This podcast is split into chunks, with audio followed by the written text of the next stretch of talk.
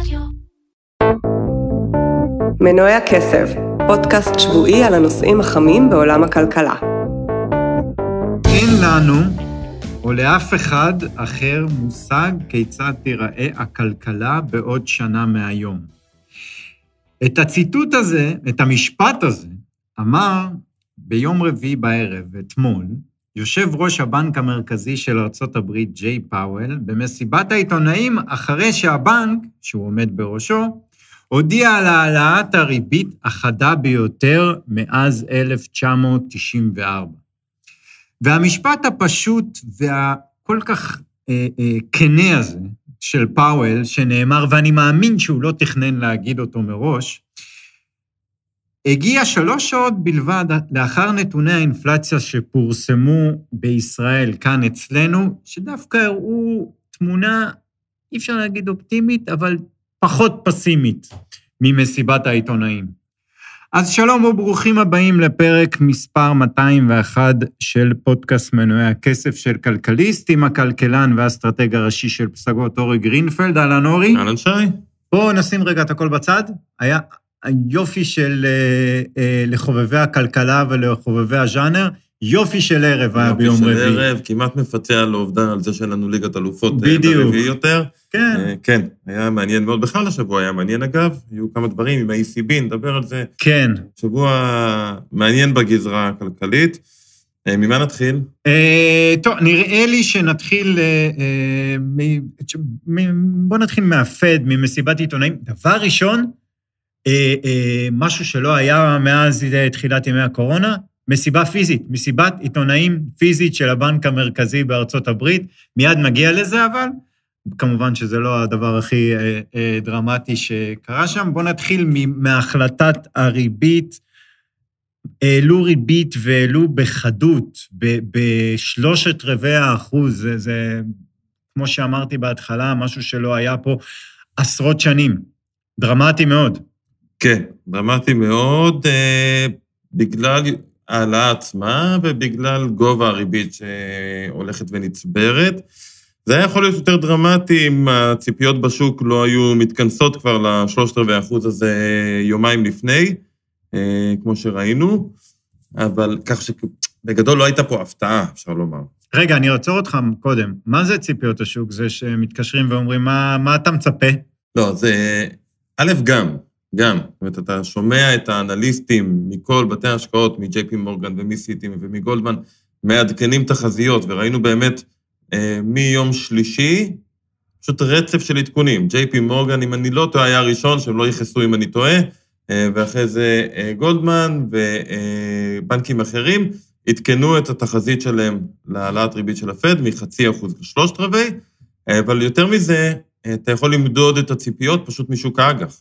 יש לנו בעצם אה, חוזים על ריבית הפד אה, לפגישה הקרובה, לריבית, מה תהיה הריבית בספטמבר, אתה יכול פשוט לקנות כביכול את החוזה על הריבית הזאת, ואז אם הריבית תהיה יותר גבוהה, אז הרווחת, אם תהיה יותר נמוכה, הפסדת. אה, יש שוק פשוט של מסחר בריביות, ולפי השוק הזה אפשר להעריך מה הקונסנזוס. עושים בעצם במחיר הנוכחי, אם אנחנו מניחים שהשוק הוא משוכלל, אז אתה מבין מה הקונסנזוס של השוק לגבי גובה הריבית, וראינו את התשואות עולות בשבוע האחרון, אה, תשואות האג"ח, וזה אותת שמעריכים שהפד יעלה את הריבית בשלושת רבעי אחוז, אז במובן הזה לא הייתה הפתעה, עוד פעם, לעומת התחזיות לפני ההודעה, אבל אם היית מסתכל שבוע אחורה, אז בהחלט זו הפתעה. אבל יש משמעות בערך של הריבית, יש משמעות קודם בהעלאה של שלושת רבעי. אני מזכיר, לפני, אם אני לא טועה, חודשיים, פאוול אמר שהם לא יעלו בשלושת רבעי. אתה זוכר שכולם ציפו כן, לשלושת רבעי, והוא כן. אמר, לא, תירגעו, אנחנו לא הולכים לעלות בשלושת רבעי, ובסוף הוא כן העלה בשלושת רבעי. ואת כל התהליך הזה שהוא ניסה להראות לשוק שהדברים בסדר וכן הלאה, לא, לא עבדו בסופו של דבר, ובסוף הם העלו בשלושת רבעי, שיש לזה את ההשפעה החדה, כי זו, זו העלאה יחסית חדה, וזאת כבר העלאה שמשפיעה. אתה יכול להגיד שרבע אחוז, כמה זה משפיע בסוף על הכלכלה? רבע אחוז לפה, רבע אחוז לשם. שלושת רבעי זה כבר אה, יחסית העלאה אה, חדה, אבל יותר מזה, אחרי העלאה הזאת הריבית היא אחוז ושלושת רבעי, כי אוקיי. הייתה קודם אחוז. ואנחנו יודעים שיש לנו בפגישות הקרובות עוד העלאות ריבית, כשפאוול אומר כבר אתמול אה, שהפגישות הבאות תידרש, תידרשנה העלאות ריבית של או חצי או, או חצי אחוז או שלושת רבעי. זאת אומרת, הוא כבר אומר שגם בפגישות הבאות יכול להיות שיהיו העלאות של שלושת רבעי, אבל אפילו אם ניקח חצי אחוז בשלושת הפגישות הבאות, אז זה עוד אחוז וחצי, אנחנו כבר מגיעים לריבית של שלוש ורבע. כן. תקשיב, זו ריבית. אם אתה מקבל, כאילו ריבית פד, ריבית קצרה של שלושה ורבע אחוזים, זה אומר שאתה יכול, כנראה, אה, בשוק האג"ח תוכל לקנות אג"חים בריבית של שלושה וחצי, אולי יותר אחוזים. אג- אג"חים של ממשלת ארצות הברית. הברית, האג"ח- הנכס הבטוח ביותר, חסר סיכון לחלוטין, אה, שזה יחסית מעניין. יותר מזה, אם תלך קצת על עקום הסיכון, ותגיד, אוקיי, אני קונה אג"ח של חברות בטוחות, לא איזה חברות קטנות, אה, אתה יודע, קוקה קולה, חברות ענק כאלה שנותנות. כן. עוד קצת מעל הממשלתי, אז אתה יכול להגיע פתאום ל-4 אחוזים, אולי מעבר לזה, ובסוף, אם אני מבטיח לך היום תשואה של 4 אחוזים לשנה בעשר שנים הקרובות, אתה כנראה תיקח. אתה יודע, הרצון לקחת סיכון ולשים את הכסף בשוק המניות עם התנודתיות הזו וכן הלאה, הולך ופוחת. פעם היה, השתמשו במונח טינה. טינה זה ראשי תיבות של there is no alternative. כלומר, לא הבינו איך השוק עולה ועולה ועולה ועולה ועולה. אה, אז אמרו, מה לעשות? אין ערך למחיר של המניה. אמרו, התמחור גבוה. There is no alternative. אין לי מה לעשות עם הכסף, ריביות אפס. אז טינה הפכה ל... נקרא לזה טיה.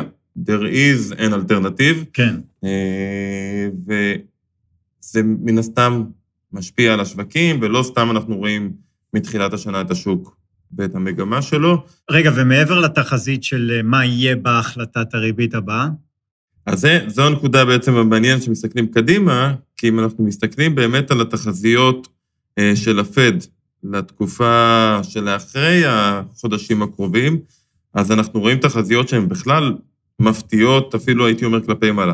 בואו נראה קודם תחזית, אתה יודע מה, נלך לצד הפסימי יותר, אה, תחזית הצמיחה של המשק האמריקאי ל-2022 התעדכנה מ-2.8 אחוזים ל-1.7. עדכון משמעותי כלפי מטה, אפשר להגיד שזה לא חוכמה גדולה, כי כבר אנחנו באמצע השנה, אז ברור שלא נגיע ל-2.8, זה די, זה די ברור. אה, הרבעון הראשון אה, והשני כנראה גם, אנחנו בסוג של מיתון אפילו, אה, וגם אחרי זה, אם תהיה קצת צמיחה, אנחנו לא נראה צמיחה מהירה. אבל גם התחזית צמיחה ל-2023 עודכנה כלפי מטה, מ-2.2 ל-1.7, אה, ותחזיות האבטלה עודכנו כלפי מעלה, שזה כמובן בא ביחד, אה, והפד מדבר על עלייה באבטלה לרמה של 4 אחוזים, 3.9 ב-2023. לא אסון, לא big deal. לא אסון, ואתה יודע מה, במסיבת עיתונאים הוא אפילו נפלט לו שם איזה משפט, לפעמים, אתה יודע, אתה אומר, "א- איך הם מצליחים להתבלבל ככה. כלומר, שהפד רוצה לראות את האבטלה גבוהה יותר ב-4, 4.5 אחוזים, ואיזה כתב אמר לו, מה זאת אומרת הפד רוצה לראות את האבטלה גבוהה יותר? אתם רוצים לראות אנשים שמאבדים את מקום העבודה שלהם?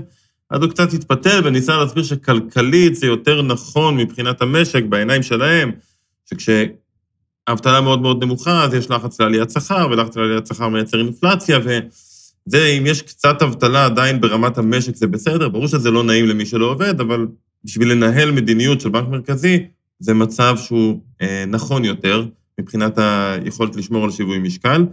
אה, אז הוא קצת התבלבל, אבל כן, זה מה שהם רואים. ותחזיות האינפלציה התעדכנו מן הסתם אה, כלפי מעלה לשנה, מ-4.3 ל-5.2. שים לב, האינפלציה... רגע, איך ארבע, איך חמש, שתיים? אז האינפלציה היום אנחנו כבר ב-8.5 אחוזים. כן. הפד עדיין דבק בדעה שעד סוף השנה אנחנו יורדים משמעותית. אה, וב-2023 כבר האינפלציה יורדת חזרה ל-2.6. אתה יודע, תמיד בתחזיות אינפלציה של בנק מרכזי צריך לזכור שהם תמיד יתכנסו לכיוון היעד, כי אחרת הוא לא יכול להסביר למה הוא עושה את מה שהוא עושה. מה היעד? היעד של הפד זה קצת מעל 2 אחוזים לאורך זמן. אז הוא בעצם בא ואומר, אה, אנחנו מעלים ריבית, לא סתם אנחנו מעלים ריבית, אנחנו מעלים ריבית כדי להוריד את האינפלציה, אז מן הסתם בתחזיות שלו חייב להיות שהאינפלציה תרד חזרה מתישהו למקום, נקרא לזה נורמלי יותר. אבל, שים את כל זה בצד, הדבר הדרמטי ביותר בתחזיות, וכביכול אתמול השוק התעלם מזה, אה, זה שתחזית הריבית של הפד, בסוף השנה הנוכחית 3-4, שזה מתאים למה שאמרנו. כן. עוד שלוש עלות, חצי, אולי אחת תהיה גם שלושת רבעי, הופה, אתה שמה. אבל לסוף 2023, אנחנו רואים תחזית של הפד ל-3.8, שזה מפתיע. זה מפתיע מאוד, כי הערכות הן שהיו לפחות, שכן, עכשיו הפד מעלה את הריבית מהר, אבל באמת האינפלציה תתחיל לדעוך, ואז הוא יפסיק לעלות את הריבית, ואם המשק נכנס למיתון, אולי הוא בכלל ב-2023 כבר יתחיל להוריד את הריבית. והוא בא ואומר שזה לא יקרה, אפילו תחזית ל-2024, סוף 24, התחזית היא של ריבית של 3-4. זאת אומרת, הוא אומר, כן, אני אוריד את הריבית, אבל רק כנראה במהלך 2024 ולקראת סופה אפילו. אה, וזו תחזית שמבחינת השווקים, אתמול שראיתי את השוק עולה בחדות אחרי ההודעה, אה, את שוק המניות. שוק האג"ח ראינו ירידת תשואות, כאילו תגובה של אופטימיות בשווקים. כן. אז זה קצת היה מבלבל, כי מצד אחד, זה נכון שההודעה של הפד אתמול, אתה יודע, דיברנו על זה גם לפני התוכנית, הוא, הוא פעם ראשונה מזה הרבה זמן שידר שיש בעל הבית. חבר'ה, יש אינפלציה, אני כבר לא, לא זמני ולא לא זמני, יש אינפלציה, ואנחנו עושים הכל בשביל להילחם באינפלציה, ואני מבין שזה יוביל את המשק להאטה, ואנחנו בסדר עם זה, כי זה התפקיד שלנו. פשוט הכניס ודאות. בדיוק. וזה, גם אם היא לא טובה. זה נורא חשוב אה, מבחינת השווקים. לפני ההחלטה, דיברנו על הציפיות, לפני ההחלטה, אתה דיברתי עם הרבה אנשים בשוק, והתפיסה הייתה שאם הוא יעלה, הציפיות הן שלושת רבעי, אם הוא יעלה באחוז, השוק מתרסק, ואם הוא יעלה בחצי אחוז גם, השוק מתרסק. זה מצב קצת מוזר, כי אתה אומר, אם אתה לא רוצה ריבית גבוהה, אז העלאה של חצי אחוז הייתה אמורה לגרום לשווקים לעלות. אבל המשקיעים אמרו שחצי אחוז יראה שהוא not on top of things, הוא, הוא לא שולט ב, כן. בנרטיב, ואז גם השוק היה מתרסק, הוא היה מניח שזה יוביל לעוד עלייה באינפלציה ועוד צורך לעשות צעדים מהירים מדי, כאילו. אז בזה הוא עשה, אפשר להגיד, את העבודה שלו, פאוול.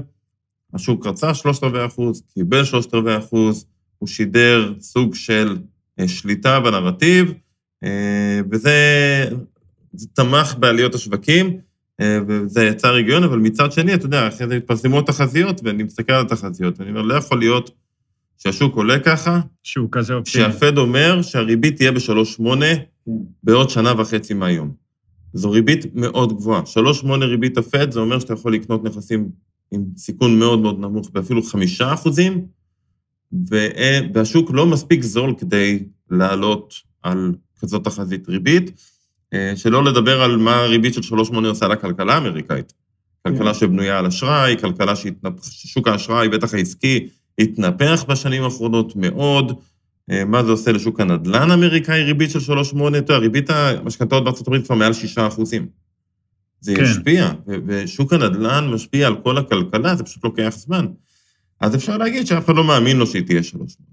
זה גם לגיטימי, אגב. כן, תראה, גם יש עוד איזה משהו. אנחנו, אה, במהלך השבוע האחרון, אה, ש, אה, מדד S&P נכנס אה, רשמית לטריטוריה אה, דובית. זה הגדרה טכנית שלא ממש אומרת הרבה, אבל זה בדיוק, לדעתי, הסבר למתיחות הזאת של השווקים.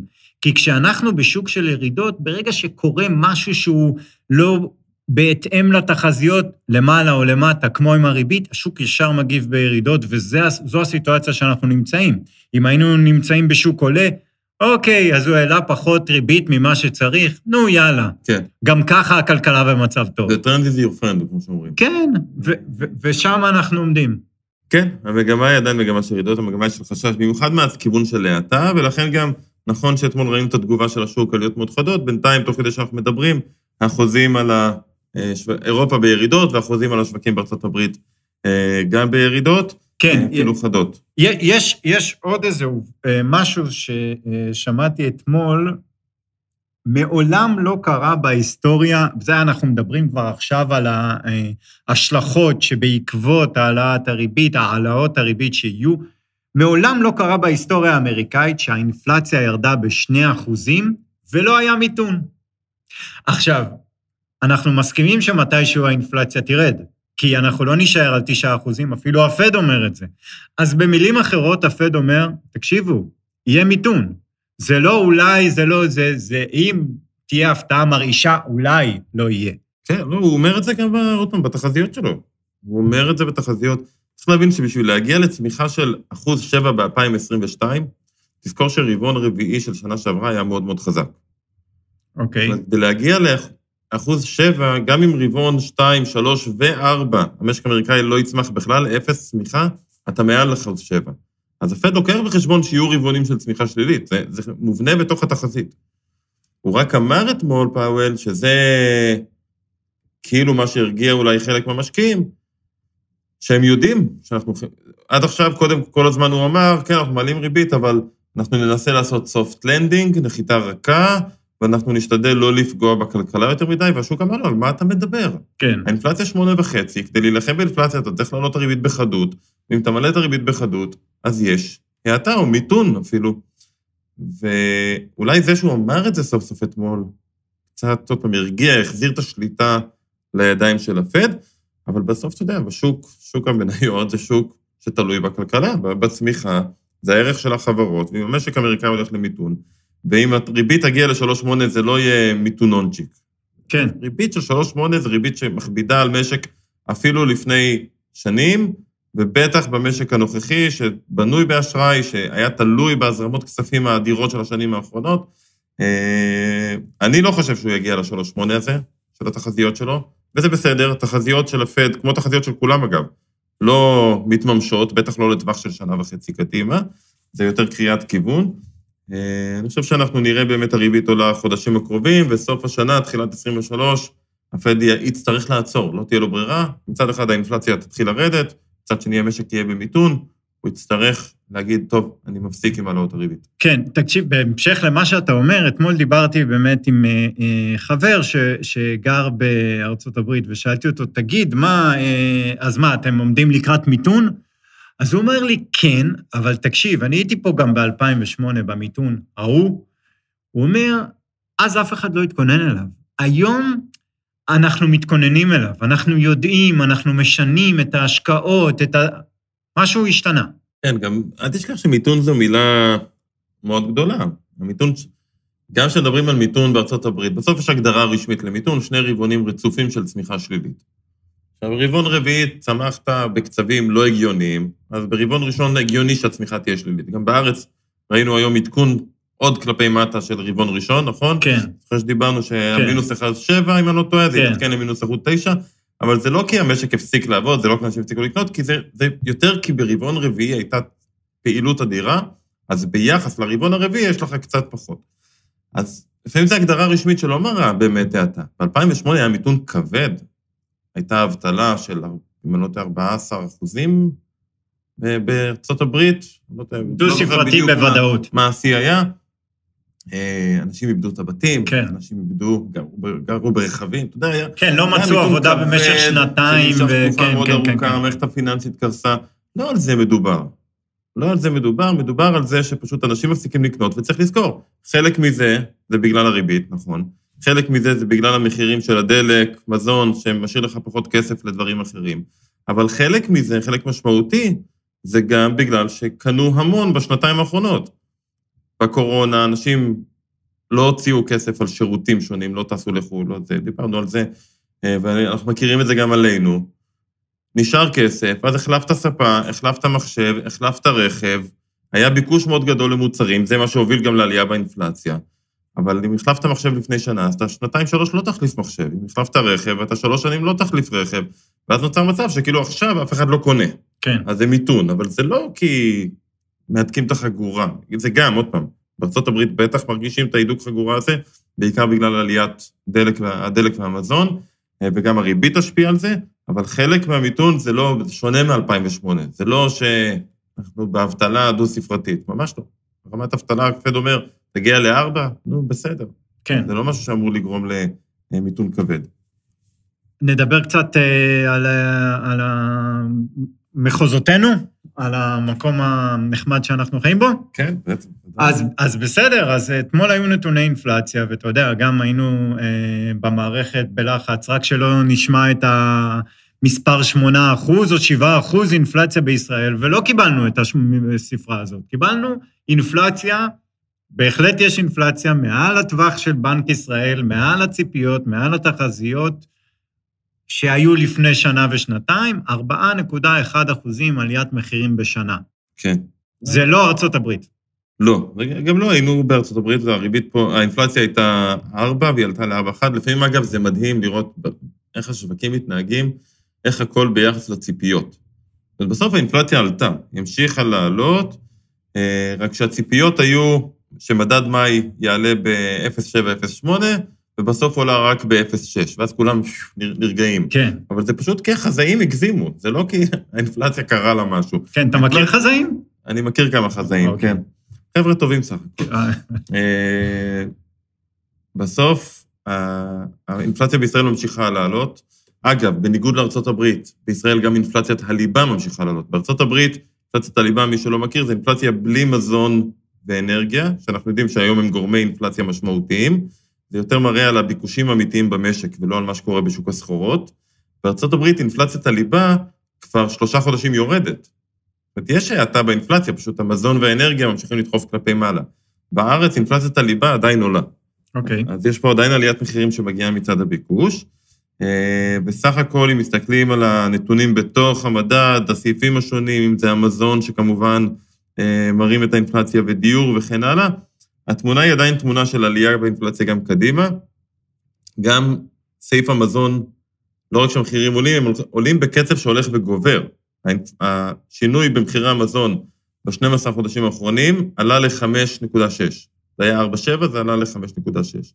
אה, בסעיף הדיור, מ-3.4 ל-3.7, אה, יש סעיפים סעיף, סעיף דיור, דירות להשכרה. סעיף דיור נמדד על ידי חוזי שכירות. חוזי נכון? שכירות. ופה, כשאני מנסה להשוות בין ארה"ב לישראל, אז האינפלציה פה יותר נמוכה, הייתה יותר נמוכה, תישאר יותר נמוכה כנראה. יש לזה כמה סיבות. אחד, מחירי האנרגיה פחות משפיעים עלינו בגלל הגז הטבעי. אמ, שתיים, כנראה שהמבנה של המשק קצת שונה. אה, אתה יודע, מחירי הרכבים מיד שנייה בארצות הברית, כשלא היו רכבים חדשים, קפצו ב-45 אחוזים. ראינו עליית מחירים, אבל לא 45 אחוזים. להסביר למה זה קורה, גדול עליי. יכול להיות שזה השפעות חברתיות, כן, אה, זה שאני בוחר לס- ל- אה, לקחת את האופניים ולא את הרכב, יכול להיות שאני יכול להתמודד עם זה בארצות הברית. לא. ה- המשק האמריקאי הוא, הוא הרבה יותר אה, מהיר ודינמי וקפיטליסטי. אומרת, בא מישהו למכור רכב, והוא רואה שיש כן. הרבה קונים, סבבה, בוא, בוא כן. נזרוק 40 אחוז למעלה, כן. יקנו, יקנו, לא יקנו, אני אוריד ל-30. כאילו, כן. זו חשיבה אמריקאית, אה, ובארץ זה פחות אה, אולי מקובל. אה, אבל עוד דבר שהוא מאוד משמעותי זה התוספות שניתנו על ידי הממשלות בתקופת הקורונה. אז גם בארץ ראינו את הממשלה נותנת פיצויים ומתנות לפסח ודמי אבטלה לחל"תים וכן הלאה, אבל אין מה להשוות בהיקפים בין מה שניתן פה על ידי הממשלה לבין מה שניתן בארצות הברית על ידי הממשלה. באופן יחסי, אתה... כן, בטח שלא באופן אבסולוטי, כן. כי גם- בזה אין מה לעשות. גם בזה אין מה להשוות, אבל טראמפ, שהוא עשה את התוכנית שלו של ה-2.2 טריליון דולר הראשונה, אה, אתה יודע, זה, הוא אמר למי שיצא לחל"ת, קח דמי אבטלה, פלוס 600 דולר לשבוע. כן. זה יותר ממשכורת הרבה פעמים מהמקרים. אנשים קיבלו יותר מהשכר שלהם, שכר וחצי, רק בשביל להישאר בבית, והכסף הזה נאגר ונאגר, וכשנפתח המשק, זה ייצר אינפלציה הרבה יותר חזקה. כולם רצו לקנות, אה, ובארץ פשוט אגרו פחות. אה, אז הצד של הביקוש ביום שאחרי הקורונה היה פחות חזק. אני חושב שאלה הדברים העיקריים, אבל בסוף התמונה היא אותה תמונה. אינפלציה של 4-1, והיא כנראה תמשיך לעלות בחודשים הקרובים, ותגיע לכיוון החמישה אחוזים. זו אינפלציה משמעותית מעל היעד של בנק ישראל, ואנחנו נראה את בנק ישראל ממשיך להעלות את הריבית גם פה. אז היא לא תגיע ל-3.8 כמו בארצות הברית, נאמר והוא ואפל גם צודק. סביר להניח לא יעלה בשלושת רבעי אחוז. וגם סביר להניח שהוא לא יעלה בשלושת רבעי אחוז, אבל הוא יעלה אה, עוד רבע אחוז, אולי עוד חצי אחוז.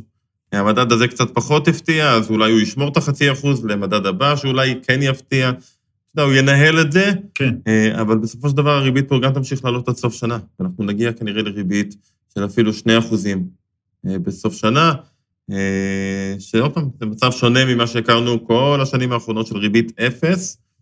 זה רק יותר נוח, ואפשר להגיד, יש לנו פה יתרון מסוים לעומת העולם.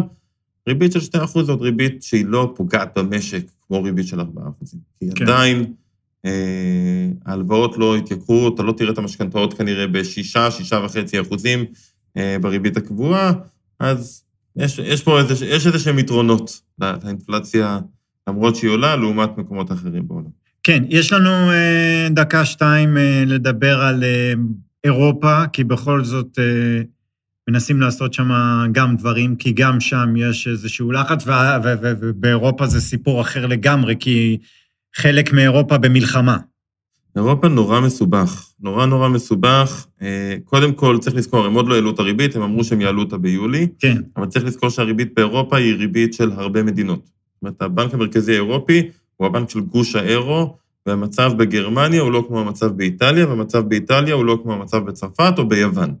ומה שקרה בעקבות ההודעה של ה-ECB, שהוא הולך להעלות את הריבית, אנחנו ראינו לא רק את תשואות האג"ח עולות, אנחנו ראינו גם שתשואות האג"ח במדינות החלשות יותר, זאת אומרת, יוון, פורטוגל, איטליה, עולות יותר מהר. זאת אומרת, ההשפעה עליהן יותר חזקה, וזה גרם קצת לחששות שאולי במדינות האלה יהיה, הן גם ככה חלשות, והמיתון שלהן יהיה הרבה יותר חריף מאשר בגרמניה. אז ה-ECB... זה, זה, זו הנחה שהיא די uh, הגיונית, לא? היא די הגיונית, אבל היא שמה עוד פעם בסימן שאלה את היכולת של בנק מרכזי אירופאי לנהל באמת את גוש האירו. צריך לזכור שבניגוד לארה"ב, הממשלות הן שונות לגמרי באירופה, בגוש האירו. זאת אומרת, כל מדינה יש לה ממשלה משלה, אבל הבנק המרכזי הוא אותו בנק מרכזי.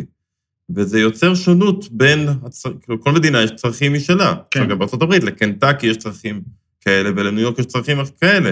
אבל יש ממשלה מלמעלה שגם יכולה לנסות ולנהל את הדברים האלו. באירופה, וראינו את זה ב-2012 עם משבר החובות של אירופה, והחשש הוא שנגיע עוד פעם למצב שכאילו איטליה או יוון או מדינות כאלה צריכות סיוע וכל הסיפור הזה. אה, ולכן ה-ECB ארגן פגישת חירום שבוע שעבר, אמר שהוא על זה והוא מטפל בזה, הוא פשוט לא אמר איך ומתי ולמה, אז נאלצים להאמין לו. אגב, אה, היום כבר ראינו גם בבוקר את הבנק המרכזי בשוויץ מעלה ריבית, אה, גם בהפתעה, העלה את הריבית בחצי אחוז, ציפו להעלאה של רבע אחוז.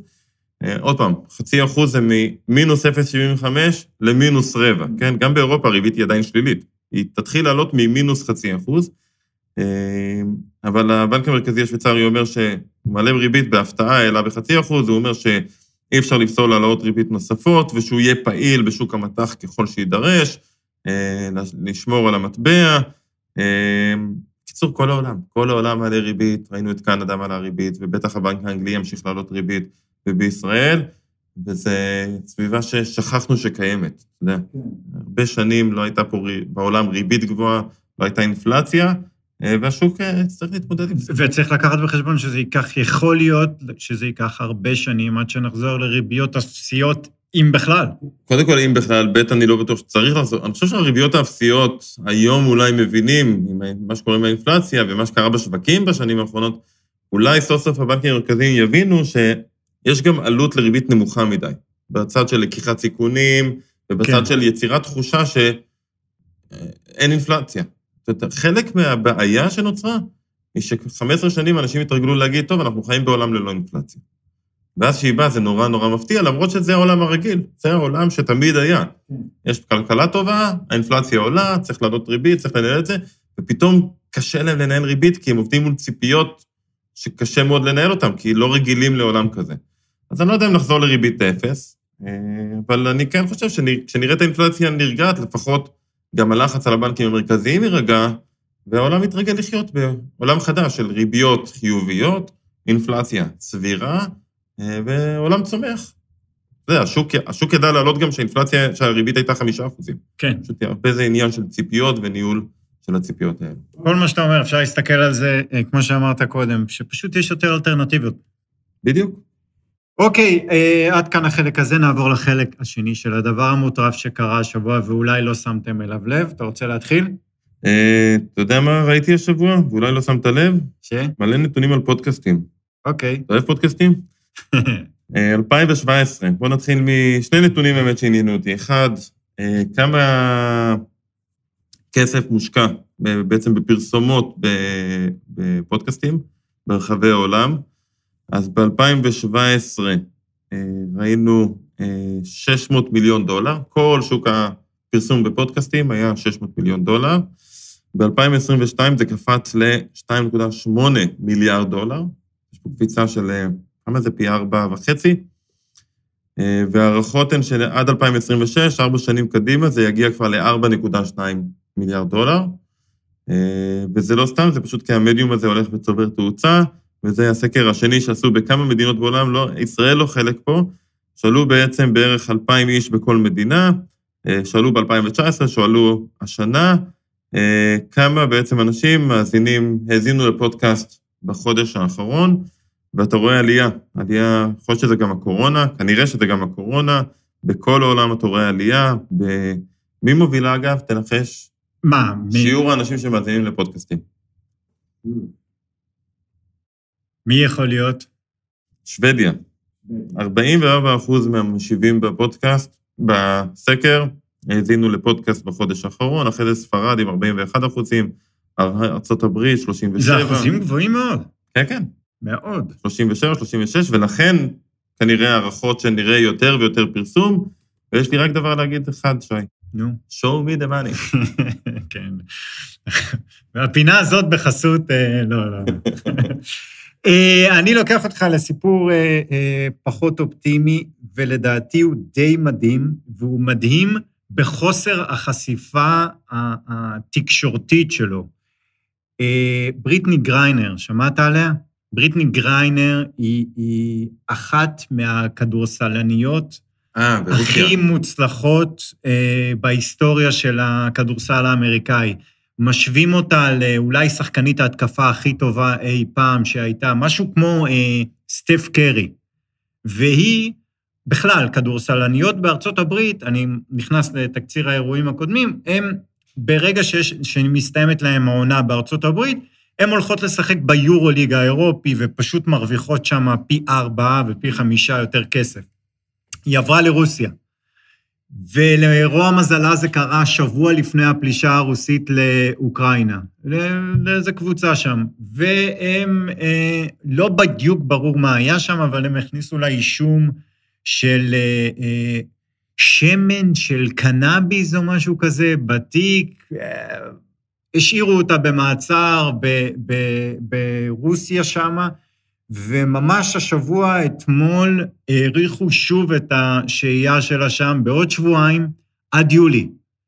וחרף כל הניסיונות שיש בארצות הברית אה, לעסקאות, לחילופים, עדיין היא נשארה שם, וזה... אה, תקשיב, זה סיפור מדהים. מדהים. חודשים במעצר. חודשים במעצר, ו, אה, והיא סתם קלף, וזה, לא יודע, אני מקווה שזה ייגמר. ושוב אני אומר, מה הסיכוי, אני שואל אותך, אם זה יקרה לשחקן NBA, ולא אה, כל העולם אה, יהיה סוער וגועש? צודק לגמרי. מיד זה היה משנה את התמונה, אה, כן. בדיוק. אה, זהו. אה, תודה רבה שהאזנתם, ונשתמע בשבוע הבא.